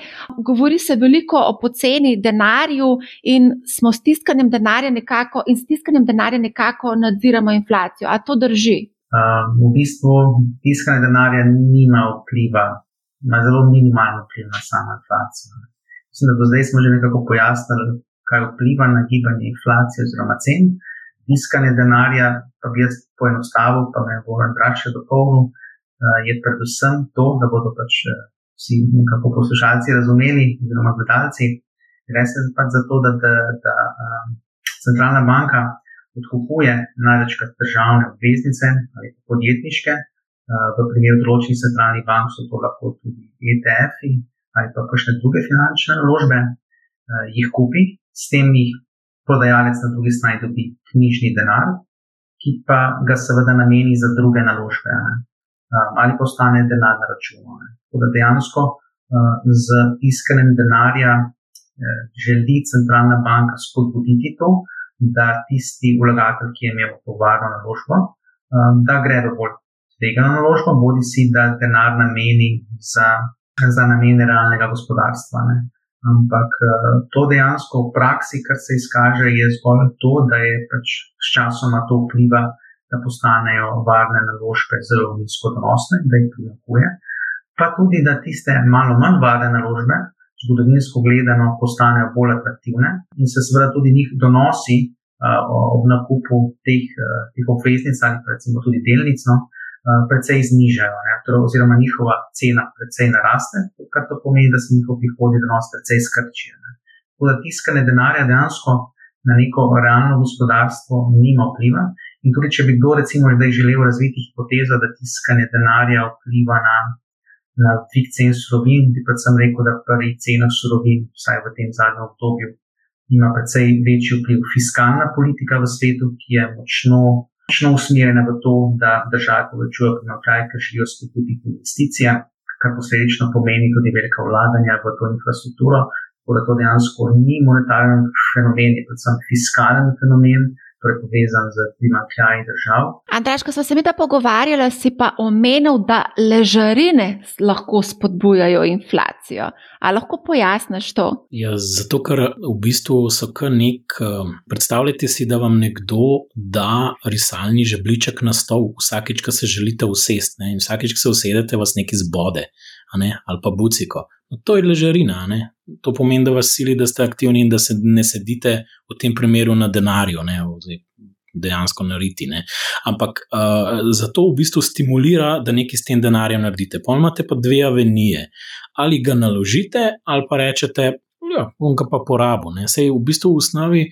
In to na nek način sil tudi delno k temu, da je neka marginalna potrošnja od tega zneska, ki je nad rekel, tem kvorumom za ležarino in vas sili, da, da z njim nekaj naredite. In en del bo definitivno gre v porabo. In se mi zdi, da so na nek način želeli tudi malo implicitno zaganjati gospodarstvo, ker ne razumem, zakaj bi si želeli, da fizične osebe kar počes kupujejo neke finančne inštrumente, ki so že tako zelo dragi. No, če bi bil to namen centralne banke, je škodljiv in bi mogli nehati s tem. No. To, je moje, to je moje mnenje. Ne. Tako da z tega stališča ležarine silijo k aktivaciji nekih večjih zneskov. Pravijo podjetjem, da je nekaj s tem narediti, naj ne bo na računu, če ne vam bomo računali, zato ker ste neaktivni. Seveda, zakaj podjetjem računajo žarine? Zato, ker je na drugi strani v bistvu mehanizem, kjer ECB računa za presežna likvidna sredstva bankama. Ne? In zdaj tukaj je Bojan zelo dobro pojasnil, pa se bo mal vrnil nazaj, ker mislim, da je to izjemno pomembno. Gospodarstvo na dolgi rok v bistvu je zelo močno odvisno od demografije in ali nek trg in število duš na tem trgu raste. Če število duš na tem trgu ne raste, mora najti zunanje popraševanje, recimo izvozne trge, na katerem pač lahko raste. Sicer bojo stalno prevelike kapacitete, ker če imate neskončno denarja in skozi vlagate v tovarne, bo nastal tako imenovan razkorak med možno proizvodno in med popraševanjem. Temu se reče output gap. In zdaj, če imate več ponudbe kot popraševanja, cene ne bojo morale, mogle rasti, enostavno in bo skozi neki deflacijski pritiski. No, in, in cel svet, razvite države so bolj ali manj bile v zadnjih, praktično 20 letih, z redkimi izjemami v nekem output gapu. Zato smo videli tudi v resnici padanje obrestnih mer, dezinflacijo, kar pomeni zniževanje stopne inflacije proti točki nič. Zdaj ta korona je malo eno ponudbo uh, začasno nokautirala ne, in zdaj cene malo skačejo.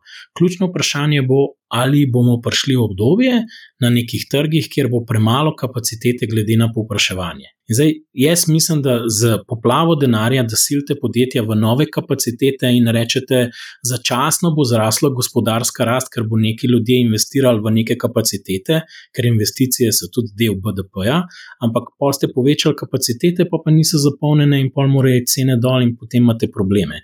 In jaz mislim, da problem cele japonske politike je ravno to, kar ustvarjajo, da jim tako reči na nek način, veliko se je ustvarjalo, bom tako rekel, pa tudi v Evropi, mogoče s temi poskusi zdaj raznih infrastrukturnih vlaganj, velik nekih fiktivnih kapacitet. No, ne vem, kako naj temu drugače rečem, fiktivne, ker so planirane za prihodnost. Jaz bi verjel, da se lahko, ne vem, mesto duhov na kitajskem zapolni, če veste, da bo centralna oblast premaknila 50 milijonov kmetov v mesto in zgraditev naprej stanovanja. Ampak to ne funkcionira, recimo v Evropi. Japonci so pa še večji ekstrem. Jaz sem bil priča, še ko sem delal na KD skladih so se na eni točki japonski izdajatelji Bluetooth odločili, da bodo prišli v ta naš podalpski raj z njihovim oddelkom za odnose z vlagatelji in so predstavljali, seveda v angleščini, celo enkrat en gospod z japonske, prišel, ki ima slabo znal um, pač angliško. Zakaj v bistvu je Japonska pa zdaj na preobratu? Ne? In razlagali so na enem primeru, kjer je konkretno je bila družba Pioneer, ki jo mnogi poznajo bolj po zvočnikih, ampak tega se je točki odločila, da bo delala te plazma televizorje in je za vnaprej zgradila, mislim, da nekih pet tovaren kapacitet, ker ne bi bil to raztoči trg. No, končna posledica je bila, da so, mislim, da štiri od teh petih tovaren dobesedno podrli z buldozerjem. Kaj to pomeni? To pomeni, da so investirali, investirali v anticipaciji, ampak nekako so se in zmotili na produkt, in popraševanje ni prišlo. In zdaj, če imate globalno gospodarstvo, ki skozi neki investiramo neskončno pocen denar. Jaz ne vem, če je dober, dober mesič, imejmo neskončno pocen denar in, in investirajmo v karkoli, kar bo začasno v statistiki se pojavilo kot gospodarska rast. Ne? Mogoče je bolj, da rečemo, imamo nizko gospodarsko rast, med nič in ena odstotka, obrestne mere naj bojo en odstotek, pa mir dokler ne najdemo nekih drugih vzvodov za, ne vem, mogoče uh, produktivnost, neke nove niše, neke nove segmente, ki v bistvu nas bojo peljali naprej. In tukaj mislim, da je problem globalnega gospodarstva na inflaciji, zelo je mal push inflacija, da, da se tako izrazim, ker je pač neke verige so bile pretrgane, ampak na dolgi rok vse researche, ki jih beremo, imamo še zmeraj ta output gap. No, v agregatu, ne govorimo o posamečnih trgih, nepremičninah, pa teh stvarih, ki smo govorili, ampak v agregatu na dolgi rok je v globalnem gospodarstvu še vedno preveč več kapacitet, kot je agregatnega popraševanja. In zaradi tega, po mojem mnenju, se ta tako imenovano tiskanje denarja, ki se zlaga, v končni fazi se preliva denar na vzdolj v finančne institucije, ne poriva naprej. Ker enostavno klienti bank, tudi če danes v Sloveniji pogledamo, vse vemo, da se pri največjih bankah, rekel je rekordno razmerje med, rekordno nizko je kreditov glede na depozite. Ampak, če bi vsa ta podjetja vedela, zakaj investirati in kam jim imela, ne vem, knjigo naročil polno, da bi povečevala, gradila nove tovarne, bi banke seveda rasle, ker bi z veseljem posojale. Tako se pa to ne dogaja. Najbolj, mislim, da raztoča komponenta v tem letu so stanovanska posojila. Mogoče to je en segment, kjer je pač se premalo, omreko, naredilo in na, na, na planiranju prostora, pa da bi se nek institucionalen kapital, ampak to je samo en segment. Zdaj reči, da je cela ekonomija, bom tako rekel, bo kar rasla, zato ker vem, smo se odločili, da bomo kupovali stanovanja. Jaz mislim, da ne. Tako da to je ta dolgoročen problem, in zaradi tega je tudi mogoče ameriška centralna banka še zmeraj, rekel, s temi odkupi niso te odkupi povzročili za izkokov cen, kot kar koli se smešno sliši. Povzročilo je to, da določenih izdelkov enostavno po, ob koroni ni bilo na razpolago toliko zalog, kot bi si jih ljudje želeli v nekem hipnem trenutku.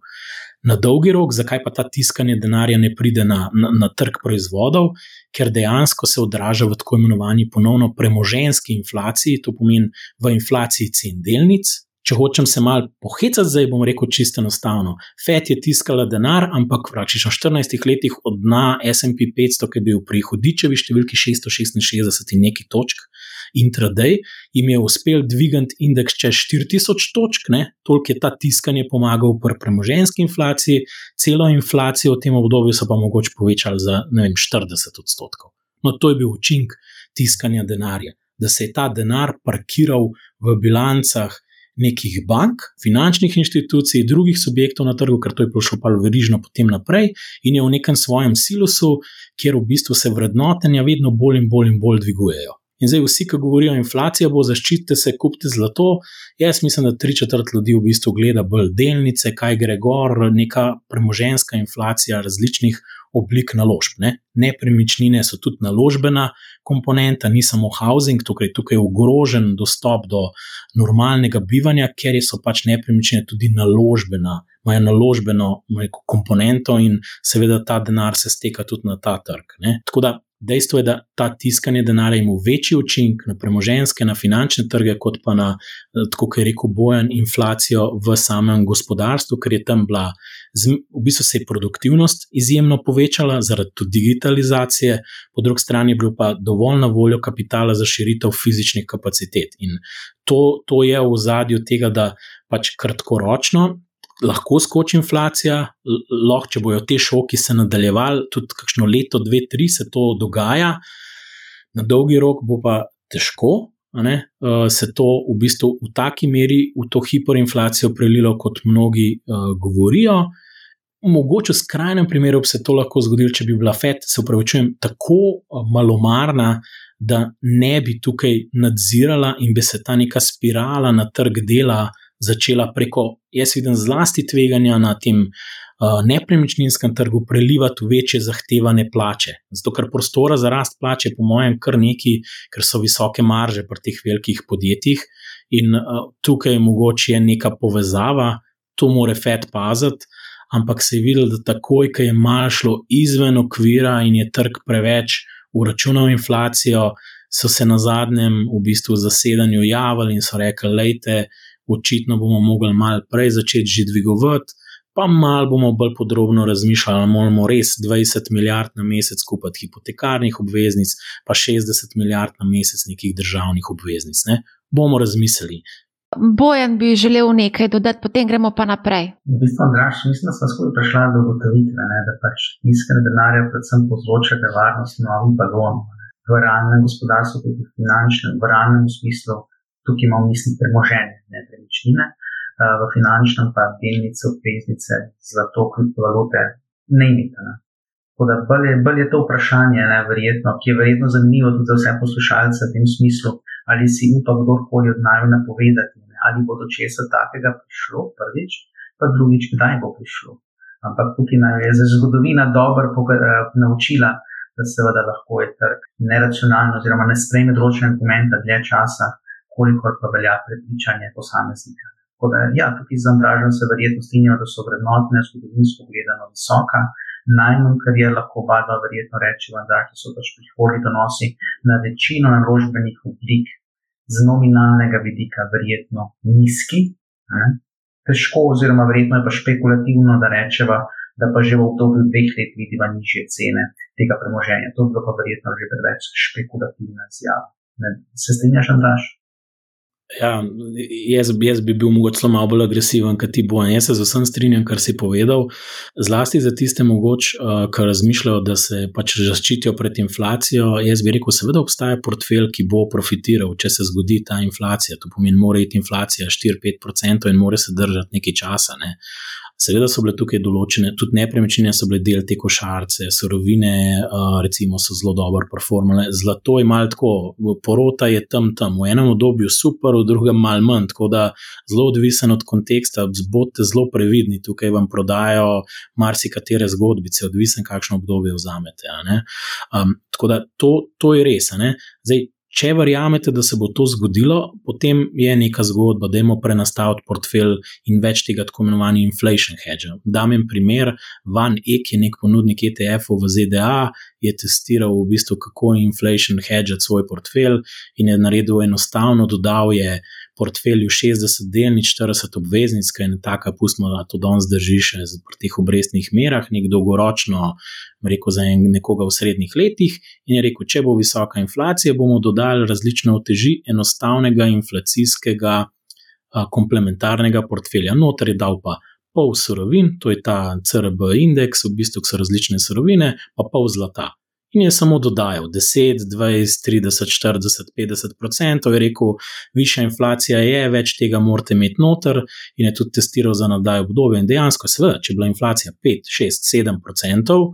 Pol imajo težave delnice, ne performajo tako, kot je, negotovost je večja, premije za tveganje se povečajo, obveznice pozabite, uh, mogoče inflacijsko zaščitene obveznice, ampak zakaj bi jih imel, ker ne bojo rasle 8-9% na leto, ne? ker bo inflacija zaostajala uradna, to je to. Ampak uh, jaz mislim, da moramo se vprašati, kaj danes računamo trg. No?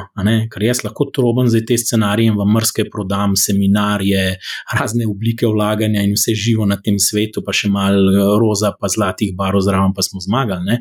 Ampak dejstvo je, da trg danes ne verjame na petletno ali pa desetletno obdobje in niti ni uračunal inflacije, ki je bistveno višja od 2 do 2,5 odstotka, zdaj odvisen, kakšno obdobje gledate. Definitivno pa ne več kot 3. Zdaj, karkoli kar bo stalno nad 3 in povzročil vrsten šok, bo presenečen in bo ta inflacijski portfelj še rastel in ima še prostor za rast. Če bo pa Fed začela malo pipca zapirati z odkupi in gor dol, potem pa, po mojem mnenju, smo mogoče na spolskem terenu, če se preveč pozicioniramo od te točke, je ta portfelj že tako, tako mislim, te inflacijske zgodbe, surovinarske so zelo dobro delale v zadnje pol leta, neverjetne skoke so imele, smo pa lahko Ali mi smo dobro v hotelu, rekli, zaščitili samo pred inflacijo, pa malo kupili vsega po malem, malo nepremičnin, malo zlata, malo surovin. Ha, pa pa inflacije ni, pa se malo dvignejo vse obrestne mere, ravno zato, ker drži, pa bomo pa 12 mesecev gledali in mogoče ne bo nič iz tega. Ne? To pa je nekaj, kar bi mečkan upozoril. Tako da na kratek rok se varovati pred inflacijo je tako, to je fool's game, bi temu rekli. Moramo res se vprašati, ali bo ta inflacija dolgoročna. Uh, samo v tem primeru bo klet ta prav payoff, torej ta prav boste, boste ustrezno zaščiteni s to vrstnim portfeljem. Ne? Tukaj pa mene, jaz sem v precepu, iskreno povedano, nisem prepričan, da bo inflacija skočila na te ravni, ki smo jih videli v 70-ih letih. Uh, um, uh, celo malo me je pa strah, ker smo tako kot si ti rekel, bojan na neki točki, kjer pa so ti realni donosi različnih naložb, da se tako izrazim, izjemno nizki. Bom dal primer. Vem, smo na 30-kratniku ciklično normaliziranega dobička, ali pa in, in v bistvu inflacijo v teoriji imamo po 2 do 3 procente. Zdaj mi pa vi povejte, torej, če eno delimo s 30, je to 3,3, odštejemo stran inflacijo, zakaj držim na rekordu delnice, uh, kje je premija za tveganje, ne vem. Um, Najhujše, kar se nam bi pa lahko zgodilo, če hočete, da sem čist črnogled, je pa stagflacija. Imamo pa tri leta, da ne moramo uloviti inflacije zaradi nekih šokov in se to nadaljuje, ne moramo dosti zalog nabildati, nepremičnine, vsi trgi so visoko, FED mora dvigovati obrestne mere, pa bomo pa kaj, deflacijo na premoženskih trgih, pa inflacijo na realnih trgih. Pa pa ne vem, v resnici, kaj bo tukaj delal čistočen, uh, ker bo, bo zelo, zelo, zelo zanimivo obdobje. Tako da mal ta prehod bo treba. Uh, jaz, če sem čisto iskren, ker se to noro sliši, sem še najbolj zaljubljen v denar v zadnjem obdobju. In ko nimam dobre ideje, kako se postaviti, raj malo več časa za razmišljanje pustim, pa sem malo bolj konzervativen v razmišljanju. No, A tudi, če si dolgoročni vlagatelj, uh, bi rekel, da je tvoj, tvoja rešitev trenutno umik v denar ali kaj? Ne, dolgoročni vlagatelj je to malce drugačna zgodba, uh, bom rekel. Ne? Ampak jaz dolgoročnost dojemam, uh, rekel, deset let plus, Zakaj? Ker to je obdobje, ki v bistvu to premijo za tveganje za dovolj visoko verjetnost položi v moje naročje. No, ne vem, kako naj se drugače izrazim. Še zlasti, če sem pa v vrčevalnem nekem načrtu, to pa pomeni, da v bistvu mene osebno niti spet toliko ne bi skrbel, da so ti baloni danes tukaj, ker se bojo skozi to obdobje deset let plus mogli mal izprazniti. Zdaj to pomeni, da bom pač moram sam polje baluna zgodba, keep calm and carry on, jaz temu rečem britanska, ker pač moš vrčevati, ker večino zneska bo šele komitev. Težava bi bila predvsem za tiste, ki imajo do neke upokojitve, do nekih izdatkov manj kot ne vem, nekaj let, ali pa želijo kupiti nepremičnino čez leto ali dve, da grejo zelo na trg ali z inflacijsko zaščitenim portfeljem, ali pa v neke delnice, zato da bo, ne vem, to je ena zgodba, stanovanje šla gor 10, kaj ne kupam, da bo šlo moj portfelj gor 15, zato da si lahko sploh prvoščen to nepremičnino. Mislim, jaz bi rekel, raj, raj, raj ne nared tega, iskreno povedano. Vem, pa bi raj rekel, kaj bolj konzervativen, ne vem, inflacijsko zaščitene obveznice, pa veš ti znar mal na računu, mogoče boš kaj izgubil zaradi inflacije 2% ali karkoli, sam ne boš pa izgubil. No? Mislim, tako volatilnost je kleno. Ravno s takšnimi primeri se na nas obračajo, ker jih zanima ker imajo več 100 tisoč evrov na računu, eh, ne želijo kupovati predragih nepremičnin, po drugi strani je, stran, je strah inflacije, na, na tretji strani pa na njih preži tudi ležarina. Ne? In nekako za dve do tri, leti pa, tri leta pa želijo odložiti nakup nepremičnine. Kaj zdaj storiti? Ne? To je v bistvu tako zelo zoprna situacija, ker je v bistvu zelo težko svetovati. Izjemno težko je svetovati ravno zaradi tega, ker je to relativno kratkoročno obdobje, ki ga morajo premostiti.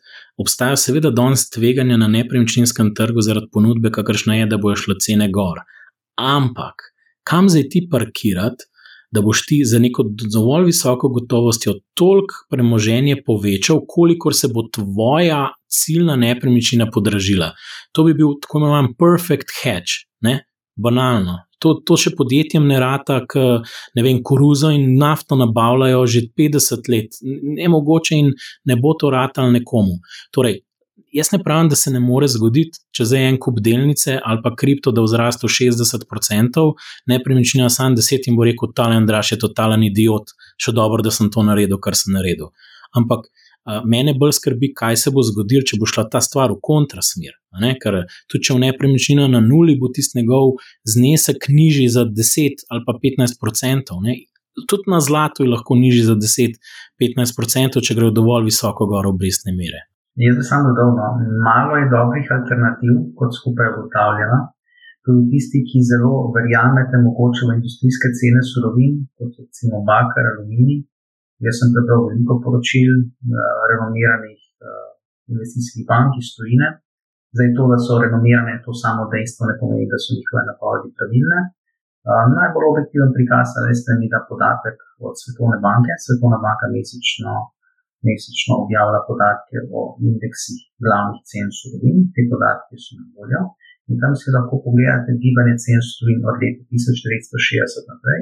In boste dejansko videli, da so po letu dveh tako izjemno visokih nivojev prišla tudi leta zelo negativna za cene, za, za cene surovin.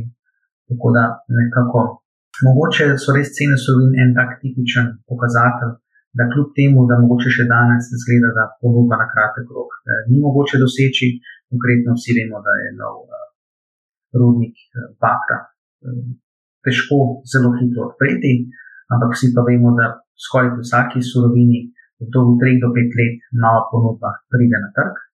Uh, in posledično sem vsaj glede teh cen surovin vseeno optimističen v tem smislu, da ne vidim močne verjetnosti, da bomo videli še više cene čez pet let iz teh nivojev, kjer smo sedaj. In to si upam reči, da lahko podpišemo. Tako da pogledajte si, prosim, res ta gibanja, kako so bila visoka, volatilna. Imeli smo dva močna, dva, dve močni rasti, enega 2007-2008, drugo je bilo potem 2011-2012. Vsi vemo, kako so se ti dve epizodi končali. Ali je danes kaj drugače ali ne, premislimo, zakaj smo optimisti. Smo optimisti zato, ker beremo pozitivne novice, a smo mogoče odkrili uh, svet igral gospodarske rasti. Jaz mislim, da ne. Ob tem bi pa vseeno še vse povabil k branju ene zelo zanimive knjige, ki sem jo prebral. Išla je sicer že lansko leto, avtor je Dietrich Folrat, se imenuje Fully Grown: Why a Stagnant Economy is a Sign of Success. In ta avtor konkretno je na nivoju ZDA uh, napisal to knjigo, In dejansko je dokazal, da ni nič slabo, veste, da imamo potencijalno nižjo gospodarsko rast v prihodnosti, ker je to dejansko uh, pokazatelj, da so se, uh, vsaj v ZDA, tako velja, verjetno pa nas podobno, uh, družine odločile, da bodo manjše, recimo v 60-70-ih, uh, in posledično je danes manj otrok, manj kupne moči. Vsi vemo, da v bistvu nekdo v, v, v v tri, 30-40 letih ima dosti večjo porabo kot to pri 70-ih, 80-ih. In posledično je to v bistvu staranje prebivalstva, no, ključno tisto, da se pač z nižjo gospodarsko rastjo moramo soočiti. Marsikdo vidim, da na nivoju svetovne politike se s tem ne more sprijazniti, ampak seveda, če želimo to rast poganjati naprej, dvomim, da bomo uspešni, bojim se, da bomo zgolj v bistvu iskali oziroma bomo povzročili neke nove, nove balone, ki bodo zopet v bistvu vedno neki novi. Ne? Uh, običajno se zgodovina ne ponavlja, se pa ima. Uh, tako da so to v bistvu precej take neprijetne okoliščine, no, s katerimi se verjetno bomo morali enkrat soočiti, seveda pa je zelo špekulativno povedati, kdaj bi se to zgodilo. Uh, drugače pa posebno delim razmišljanje s tabo, Andraš, v tem smislu, da na kratek rok uh, ni smiselno alocirati premoženja, da nič drugega kot denar, koliko je od planiranega nakupa, koliko je planiran nakup dejansko eh, potrebno izvesti v obdobju 2 do 3 let. To je, po mojem mnenju, relativno kratko obdobje in tukaj, kakšna inflacija že bo, je pač neko nujno zlo, ki je, eh, ki je pač v teh aktualnih razmerah potrebno. A gremo zdaj še v to zgodbo, plest malo kriptovalute. Definitivno to moramo, naši poslušalci investirajo tudi v kriptovalute. Imeli smo kar razburljive tedne, zdaj zadnje tedne. Recimo danes je, včeraj je bil itak 20% dol, vse skupaj cel trg, danes je že 13% gor, se pravi, imamo res velika nihanja gor, dol. Andraš, kako vpliva inflacija kriptovalute, kako bi vse to lahko povezali. Ja, sej, sej, da nam tako desperati spadu tam, pa vam nič nisem povedal, kaj narediti, pa kako. Najboljše, da različne možnosti malo preanaliziramo na, zelo na hitro, da vam povemo. V bistvu, rekli smo, okay, če je inflacija visoka, res visoka in pospešna 3-4%, sem nekako povedal, kaj mora biti del portfelja. Zdaj, sami se morate odločiti, ali mislite, da se vam to zdi scenarij, ki to se lahko kregamo od jutra do sutra, ali se bo to zgodilo. Ne. Jaz osebno ne verjamem, vi mogoče verjamete. Zdaj pa kripto. Mislim, da predem povem, kako mislim, da vplival na kripto. Vplival bo predvsem preko te tako imenovane premoženske likvidnosti ali pa premoženske inflacije, tako kot smo govorili. Ne. Kripto je vsem uh, tvegana oblika imetja. in je izjemno kolorirana z drugimi tveganimi naložbami, zlasti z growth delnicami in tehnološkimi delnicami, s tem segmentom trga. Vedno je bila in vedno bolj je, ker veliko venture capital uh, skladov vstopa noter v ta segment. Ne? Zdaj bom tako rekel, ta segment je zelo občutljiv v osnovi na inflacijo, ker je nič denarnega toka ni povezanega bolj ali manj danes s tem, ampak je vse odmaknjeno v prihodnost. Ta prihodnost je pa bolj tvegana. In zdaj pa dražja bo obrestna mera, više bo inflacija, večja bo obrestna mera, večji bo strošek, oportunitetni strošek držanja tovrstnih naložb, vključno s kriptotom.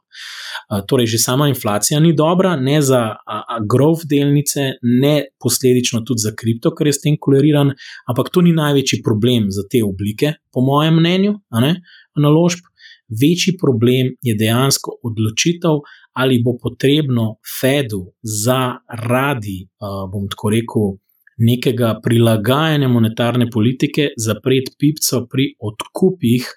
Uh, samih uh, na kapitalskem trgu, ker ta del pa izjemno močno vpliva, uh, in zlasti te delnice, ki so usmerjene v rasti, so bolj občutljive na zmanjšanje quantitative easinga, kot pa neke value delnice. Value delnice so pa pač delnice, kjer je, so v bolj zrelih panogah, je bolj denarni tok oprijemljiv. In kaj to pomeni? Jaz gledam FED. Če bo FED, FED je zdaj ustavljati nakupe in jih ohranja. Na nekih 80 milijard na mesec, uh, če bo začela dvigovati kratkoročno obrestno mero, bo to znak, da jim ni vseeno za inflacijo, potem je pa potrebno videti, kaj bo delala s temi odkupi. Že samo dejstvo, da se bilanca ne bo povečevala s pospešenim prirastom, bo lahko vplivalo.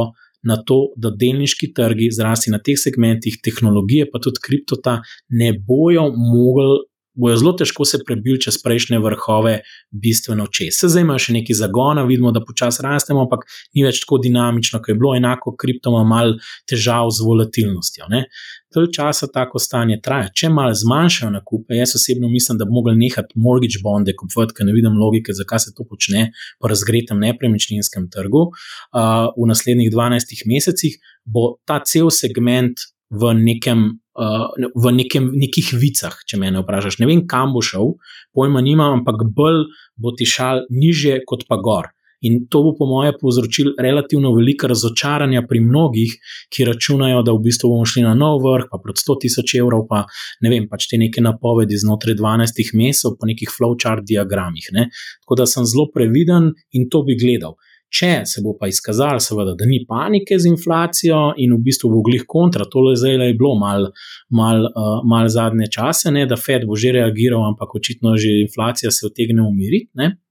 Um, pol pa lahko dejansko gremo nazaj v nek čuden modus, kjer ne bomo imeli realne inflacije, ampak bomo še zmeraj imeli neko premožensko inflacijo naprej. No? Ampak jaz, jaz to ne verjamem. Tako da kripto je bolj ranljiv, grov delnice so bolj ranljive pri višji inflaciji, pa če se FED odloči malo zapreti pipco, bomo pač videli te nihanja in bojo z nami. Zdaj, koliko časa bo, je pa pol bolj odvisno od nekega srednjeročnega pogleda na gospodarstvo. Uh, to bo pa za me mogoče najpomembnejša rekel, zgodba na nek srednji in dolgi rok. Tako da kratkoročnost, kratkoročno se mi zdi, da pač bomo klele nekaj časa merili, se, kam, kam lahko pridemo. No. Evo, to je moj pogled osebno. Um, zdaj, ker nekaj teh inflatornih klauzul je že vgrajenih noter v določenih pogodbah, z inflacijo se konec koncev usklajujejo tudi pokojnine, pa tudi najemnine, pa tudi kakšne druge zadeve, ki jih pač plačujemo, razne storitve, tudi posojila. Ne. Nekje sem celo zasledila, da se pojavlja pobuda k podpisovanju aneksov. In sicer, ker bi se v bistvu upoštevalo mesečno usklajevanje z inflacijo, ravno zaradi negotovosti, ki smo ji sedaj priča. Kakšno je vaše, oziroma bojem boš ti povedal, kakšno je tvoje mnenje? Nekaj si sicer že govoril o teh inflatornih klauzulah v podjetjih, ki jih imajo. Za meni je to smešno. No? Običajno najemne pogodbe teh klauzul nimajo. No? Odvisno seveda od ročnosti najemnega razmerja, razumljivo nekdo, ki pač z najemnikom piše pogodbo z daljšo ročnostjo, je verjetno že v preteklosti no, neko, neko klauzulo s tem ceno upošteval če bi verjetno rekel, da poprečna letna sprememba cen je pač tisto ustrezen kriterij. Če bom pa malo nazaj na tisto prvo tvoje izhodišče, Marja, Kaj se vse usklajuje z inflacijo, bom pa rekel tako, da je tukaj precej nepregled, nepregledna zadeva na ravni države. Recimo, konkretno, minimalna plača je recimo pri minimalni plači eden od kriterijev tudi uh, medletna sprememba rast cen, pri čemer gledajo uh, spremembo cen v decembru, glede na decembr lani. Kljub temu, da sem jaz takrat že večkrat pristojnem ministru rekel, da bi to veljalo verjetno spremeniti, da bi veljalo poprečno letno inflacijo še vedno ustrajajo najmanj v tej decembrski medletni, ki sem jo že v uvodu nekako našega prispevka ocenil kot uh, nekako slabšo metodološko uh, različico inflacije. Na drugi strani imamo potem nekaj socialnih transferjev, ki se s tem usklajuje. Najpomembnejši z vidika makroekonomije so seveda pokojnine, ki pa so sestavljene recimo iz, uh, iz inflacije, pa tudi poprečne spremembe rasti plač. Tako da dejansko pri pokojninah imamo kombinacijo inflacije in kombinacijo plač. Če pa gledamo na neko povprečno gibanje plač, bi pa rekel eno stvar, pa mislim, da danes o tem se nismo še več pogovarjali. Če mi želimo imeti, mislim, če imamo nek scenarij srednjeročne inflacije vsako leto 2-3 odstotke, moramo imeti tudi res v mislih, da bo to vsekakor moralo generirati tudi pritiske na rast plač. Ampak zdaj pa jaz vas vprašam. Že zdaj vemo, da so v številnih dejavnostih, tudi v Sloveniji, primankuje določenih zaposlenih. Ampak ali to vpliva na više plače? Ali trg dela dejansko je trg ali ne? Moj odgovor je, da ni. Ni. Ali lahko, tuč, ali lahko država vpliva na ta trg? Odgovor zgolj z višino minimalne plače. Okay? vpliva pa samo na ta način, da v bistvu znižuje te škarje med povprečno plačo v sektorju in pa minimalno plačo. Po domače povedano, recimo v sektorjih, kjer je povprečna plača že sedaj precej nad minimalno, dvig minimalne plače ne bo pomembno vplival. Tako da država dejansko ima zgolj to urodje minimalne plače, da bi generiralo cenovne pritiske. Ima pa v bistvu na ravni javnega sektorja, v bistvu pogajalsko moč, približno 20 odstotkov zaposlenih v Sloveniji deluje v javnem sektorju, tam pa so sindikati dovolj močni, da lahko dejansko vplivajo na uskladitev plač, višjo, kot bi bila ta sicer razumna oziroma pričakovana glede gospodarske razmere in verjetno je pri njih eno izmed izhodišč ravno uh, gibanje cena. Ampak z vidika trga, ne, pa lahko rečem trga dela kot celota, Pa pogledajte uh, si dejansko statistiko delovno aktivnih, vidimo, da v bistvu število samostojnih podjetnikov vse v strukturi vseh delovno aktivnih z leti le še povečuje. To pomeni, da trg dela dejansko postaja bolj razdrobljen. To pomeni, da posledična moč posameznih subjektov na trgu dela, to je tisti, ki izvajo dela, je če dalje nižja. In posledično to ne more ustvariti cenovnih pritiskov, oziroma če dalje manjši cenovni pritiski so verjetni, glede na to, kot je bilo, recimo, so razmere pred 10, 20, 30 leti. In to, kar sem jaz povedal za Slovenijo, ni nič drugače za ostale države. Torej, imamo če dalje manjšo sindikalno organiziranost zaposlenih in to posledično vpliva na to, da neke inflacije pri plačah ni pričakovati. Posledično ne vidim močne verjetnosti, da bi dejansko bila inflacija visoka, kajti ta del inflacije nikoli, nikoli, po mojem mišljenju, ne bo tako visok zaradi teh opisanih strukturnih sprememb na trgu dela, katerim smo priča. Super, to si zelo lepo povedal, ampak vseeno se mi zdi, da številna podjetja oziroma finančne družbe, konc koncev tudi finančni svetovalci in drugi ponudniki, kar še naprej jahajo to inflacijo, to zgodbo in poskušajo nekako prestrašiti ljudi, da ukrepajo, zdaj je to ta pravi recept ali ni. In vesela sem, da v bistvu smo tukaj danes jasno in glasno povedali, kakšno je stanje z inflacijo in kakšne so vaše pričakovanja vezano na prihodnjo inflacijo. Tako da iskrena, iskrena hvala Bojani Banc in Andraž Graha, hvala, ker sta delila svoje bogate izkušnje, znanje z nami in še enkrat res, res iskrena hvala. Veselno, hvala lepa za vabilo. Hvala tudi tebi.